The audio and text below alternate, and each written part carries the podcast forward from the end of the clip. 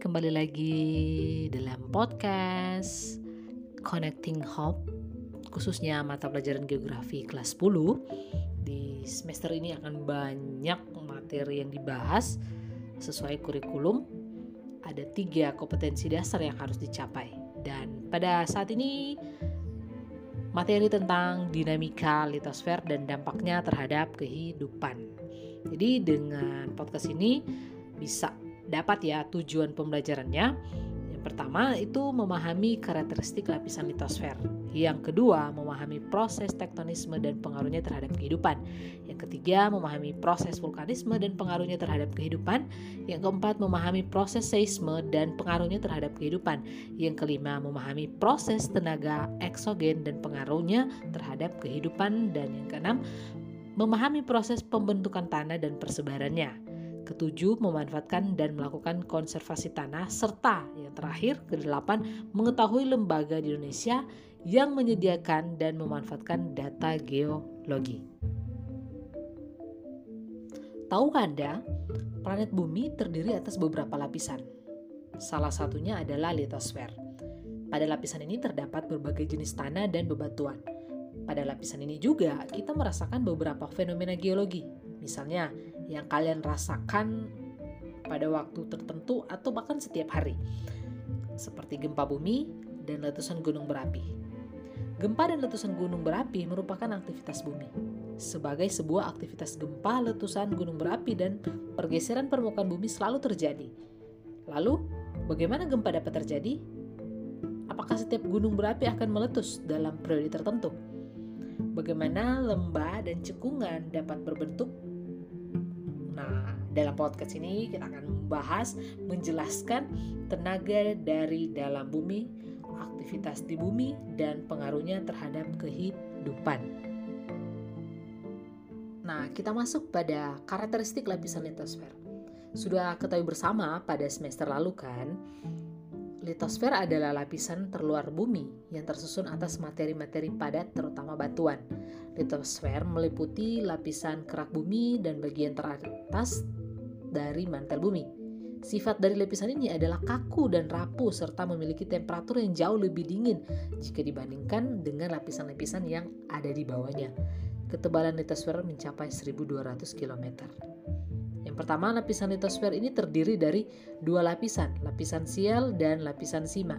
Lapisan sial, silisium aluminium, adalah lapisan kulit bumi yang tersusun atas logam, ya, SiO2 dan aluminium. Lapisan ini tersusun atas berbagai jenis batuan, seperti batuan sedimen, granit, andesit, jenis batuan metamorf dan batuan lain yang terdapat di daratan benua ketebalan lapisan sial kurang lebih 35 km dan lapisan ini sering disamakan dengan kerak benua karena material pembentuk lapisan ini tidak ditemukan pada kerak samudra melainkan hanya di kerak benua. Dan yang kedua, lapisan sima, silisium, magnesium. Lapisan kulit bumi yang tersusun atas logam, silisium, dan magnesium. Jadi maksudnya berat jenis lapisan sima lebih besar dari lapisan sial karena mengandung besi mineral ferromagnesium, dan batuan basalt. Lapisan sima bersifat elastis dan mempunyai ketebalan rata-rata 65 km. Lapisan ini sering disamakan dengan jarak disamakan dengan kerak samudra karena material yang terdapat pada kerak samudra sebagian besar adalah sima. Yang kedua, batuan dan mineral pembentuk litosfer. Batuan penyusun litosfer terdiri atas tiga jenis, yaitu batuan beku, batuan sedimen, dan batuan metamorf. Batuan dapat didefinisikan sebagai suatu massa yang terdiri atas suatu atau berbagai jenis mineral dengan komposisi kimia yang tetap sehingga dengan jelas dapat dipisahkan antara satu dan yang lain. Kita bahas yang pertama batuan beku. Batuan beku adalah batuan yang berbentuk dari magma pijar yang membeku dan menjadi padat karena proses pendinginan. Berdasarkan tempat pembentukannya, batuan beku dapat dibedakan menjadi batuan beku dalam, batuan beku tengah, dan batuan beku luar. Yang dimaksud batuan beku dalam ini, dia terbentuk jauh di permukaan bumi, minimal berada pada kedalaman 15 km. Karena proses pembekuannya sangat lambat sehingga butiran-butiran kristal dari mineral-mineral dapat berkembang sempurna, berukuran besar dan saling mengikat satu sama lain. Contohnya granit, diorit, dan gabbro. Bagaimana dengan batuan beku tengah? Batuan beku korok atau gang maksudnya batuan beku yang terbentuk pada celah bumi sebelum magma mencapai permukaan bumi. Proses pembekuannya lebih cepat sehingga batuan ini dapat berupa kristal besar, kristal kecil, bahkan sering kali tidak mengkristal. Contohnya granit, fosfir, kuarsa, diorit, dan diabas. Bagaimana juga dengan batuan berkeluar? Nah, pembekuan batuan ini terjadi di kulit bumi sehingga penurunan temperaturnya terjadi sangat cepat. Batuan ini terjadi melalui proses ekstrusi, yaitu ketika magma mencapai ke permukaan bumi, baik melalui satu titik ataupun melalui celah memanjang di kerak bumi. Ekstrusi yang terjadi dalam keadaan yang dahsyat disebut erupsi. Jadi proses pembukaan magma di permukaan bumi berlangsung sangat cepat. Akibatnya tidak ada kesempatan untuk membentuk kristal yang sempurna. Struktur ini disebut amorf atau tidak berbentuk kristal. Contohnya batu apung, abu gunung api, obsidian, rahit, andesit, dan basal. Kalian perlu mengetahui dilihat dari komposisi kimia magma atau berdasarkan ini, batuan beku dapat dibedakan menjadi empat. Batuan beku asam, seperti granit dan riolit, batuan beku intermediate, contohnya diorit dan andesit, batuan beku basa, contohnya gabbro dan basalt, dan batuan beku ultra basa, contohnya pyroxenit, priodotit, dan serpentinatit. Jadi itu ya. Dan yang kedua adalah batuan sedimen batuan yang berlapis-lapis. Batuan ini tersusun dari partikel batuan yang berasal dari batuan yang ada sebelumnya yang terendapkan di suatu tempat setelah terangkut oleh aliran sungai, gelombang atau pasang, angin dan es. Proses pembatuan pada batuan sedimen disebut diagenes. Proses pembatuan merupakan perubahan batuan sedimen dari yang semula bersifat lepas berubah menjadi batuan yang kompak dan keras karena direkatkan secara alami. Pelapisan batuan sedimen terjadi karena kompaksi pada partikel batuan, baik akibat dari sementasi maupun tekanan dari endapan di atasnya. Lapisan yang terdapat pada batuan sedimen disebut sebagai strata batuan sedimen. Batuan sedimen bis, dapat digolongkan menjadi tiga. Yang pertama sedimen plastik, yang kedua sedimen kimiawi, dan yang ketiga sedimen organik. Bagaimana dengan sedimen organik? Ini terdiri dari partikel-partikel kehancuran batuan disintegrasi akibat proses pelapukan. Transportasi oleh air maupun angin cenderung untuk memilahkan partikel-partikel tersebut ke dalam berbagai ukuran butir. Contohnya, konglomerat, batu breksi, dan batu pasir. Selanjutnya pada sedimen kimiawi. Maksudnya apa kimiawi? Ini berasal dari endapan bahan-bahan hasil penguapan, pelarutan, dan lainnya. Seperti pelarutan terjadi pada batu gamping karena reaksi H2O dan CO2 terhadap batu gamping, CaCO3. Jadi jenis batuan ini disebut juga dengan sedimen mekanik. Tahu tidak pembentukan stalaktik dan stalagmit di dalam gua adalah contoh batuan sedimen kimiawi yang berasal dari batu gamping. Banyak ya di Jawa. Contoh lain evaporit, travertin, ahidrit, halit, dan batu gips. Kita lanjut pada sedimen organik. Sedimen organik adalah endapan sisa-sisa tumbuhan dan hewan laut Contoh batuan sedimen organik adalah batuan gamping dan koral yang terbentuk di dasar laut, dangkal dan kemudian terangkat ke permukaan bumi oleh tenaga dari dalam bumi. Yang terakhir yang ketiga adalah batuan metamorf, metamorf malihan, batuan yang berasal dari batuan yang sudah ada, seperti batuan beku atau batuan sedimen. Kemudian mengalami perubahan secara fisik dan kimia sehingga memiliki sifat berbeda dengan sifat batuan asalnya. Faktor penyebabnya apa saja? Perubahan batuan ini yang menjadi faktor utamanya adalah kondisi tekanan yang kuat, suhu yang tinggi, dan waktu yang lama. Jadi tekanan dapat berasal dari gaya beban atau berat batuan yang ada di atasnya atau dari gerakan tektonik lempeng kerak bumi. Kenaikan suhu dapat terjadi karena adanya intrusi magma, cairan, atau gas magma yang menyusup ke kerak bumi. Pada umumnya, batuan malihan lebih keras dan kompak daripada batuan asalnya struktur baru, dan bahkan mineral baru dapat terbentuk dari proses ini. Contohnya sabak, filit, sekis, kuarsit, dan marmer. Jadi pembentukan litosfer yang terdiri atas batuan beku, batuan sedimen, dan batuan metamorf mengalami siklus sehingga batuan-batuan tersebut mengalami perubahan bentuk dari satu jenis menjadi jenis batuan yang lain. Proses tersebut menunjukkan bahwa batuan pembentuk litosfer juga memiliki dinamika perubahan bentuk. Untuk memahami dinamika perubahan bentuk batuan, dimulai dari batuan beku. Ini prosesnya ada pelapukan erosi, transportasi, sedimentasi atau eh, dan diagnesi. Kemudian batuan sedimen, lalu dari batuan sedimen prosesnya pemanasan tinggi, tekanan tinggi dalam waktu yang lama. Batuan metamorf terbawa ke zona subdiksi mengalami peleburan atau lebur ke dalam astenosfer. Menuju ke batuan sedimen, ada proses peleburan dan kembali lagi dan mengalami pendinginan. Seperti itu ya mineral. Selanjutnya mineral.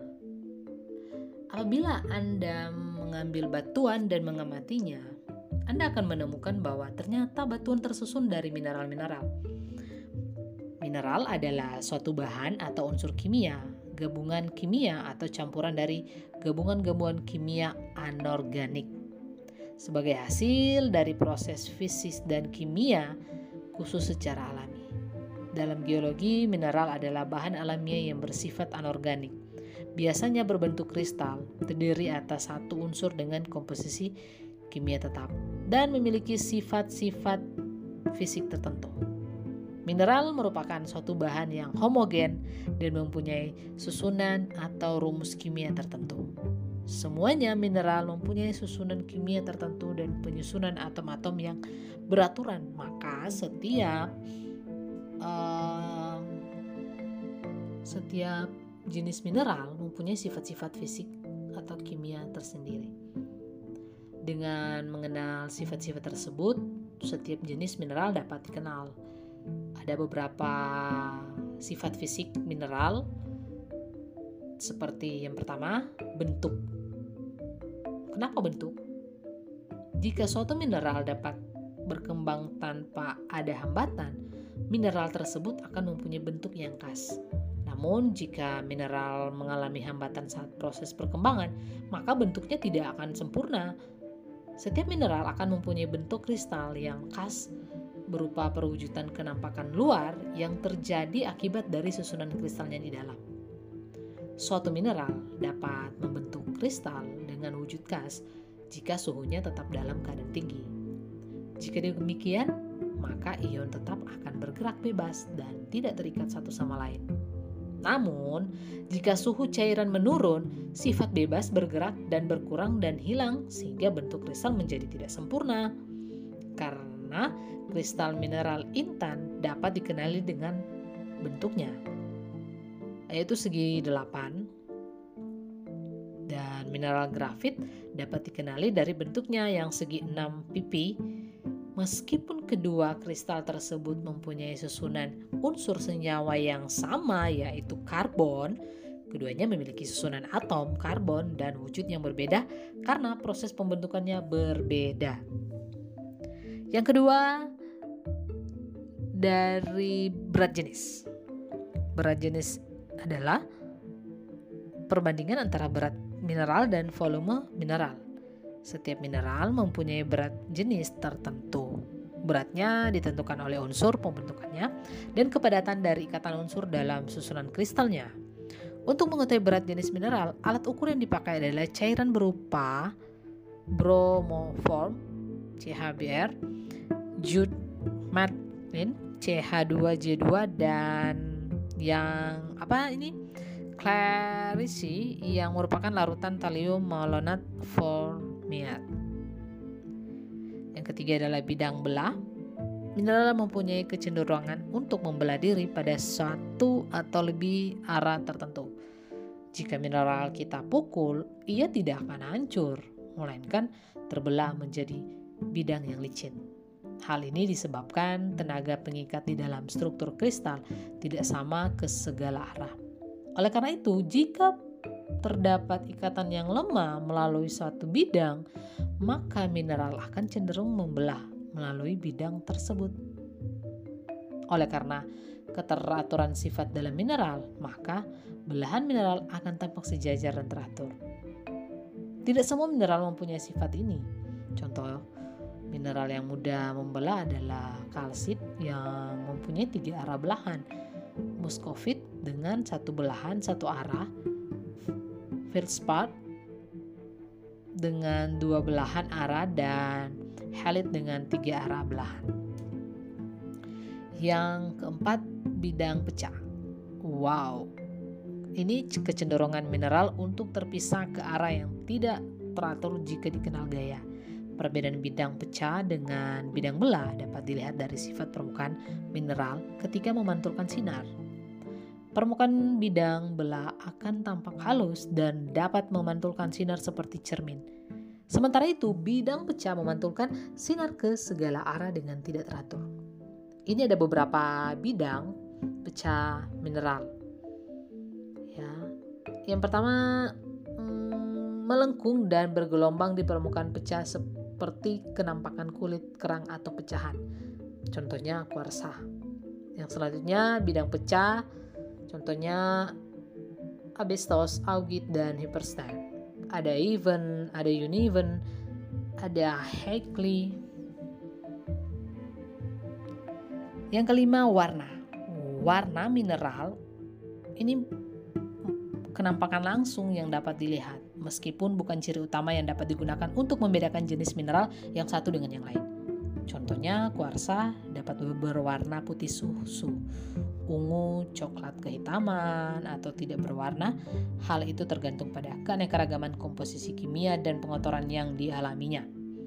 Namun, tetap ada beberapa mineral yang mempunyai warna yang khas, misalnya putih, kuning, emas, hijau, biru, merah, coklat, abu-abu, hitam. Dan selanjutnya yang keenam, kekerasan. Kekerasan ini sifat resistensi atau ketahanan suatu mineral terhadap goresan. Skala kekerasan mineral yang umum dipakai adalah skala Mohs yang dimulai dari skala 1 untuk mineral terlunak hingga 10 untuk mineral terkeras. Yang ketujuh adalah cerat di mana warna mineral dalam bentuk serbuk. Cerat dapat diperoleh dengan cara menggoreskan mineral pada bidang kasar tertentu atau menumbuknya. Warna cerah dapat sama dengan warna asli mineralnya, tapi dapat juga berbeda. Contohnya warna pirit adalah keemasan, namun jika digoreskan pada bidang kasar, proselin akan meninggalkan bekas berwarna hitam. Contoh lain, hematit adalah mineral berwarna merah yang jika digoreskan pada bidang kasar, porselen akan meninggalkan jejak warna merah kecoklatan. Dan yang terakhir adalah kilap kenampakan atau cahaya yang dipantulkan oleh permukaan mineral saat terkena cahaya. Kilap dapat dibagi menjadi dua, yaitu kilap logam dan kilap kilap bukan logam. Kilap mineral sangat penting untuk diketahui karena ini dapat dipakai untuk menentukan mineral secara megaskopis. Namun, membedakan kilap setiap mineral sulit dilakukan karena tidak ada batasan kilap yang tegas kilap yang tegas. Sampai di sini untuk episode perdana di tahun 2021 Dinamika Litosfer dan dampaknya terhadap kehidupan tentunya manusia, Anda dan saya. Dan sampai di sini untuk podcast tentang bagaimana memahami karakteristik lapisan litosfer. Jika podcast ini sangat membantu, silakan share ke teman-teman Anda semoga bermanfaat. Selamat dan semangat belajar dari rumah untuk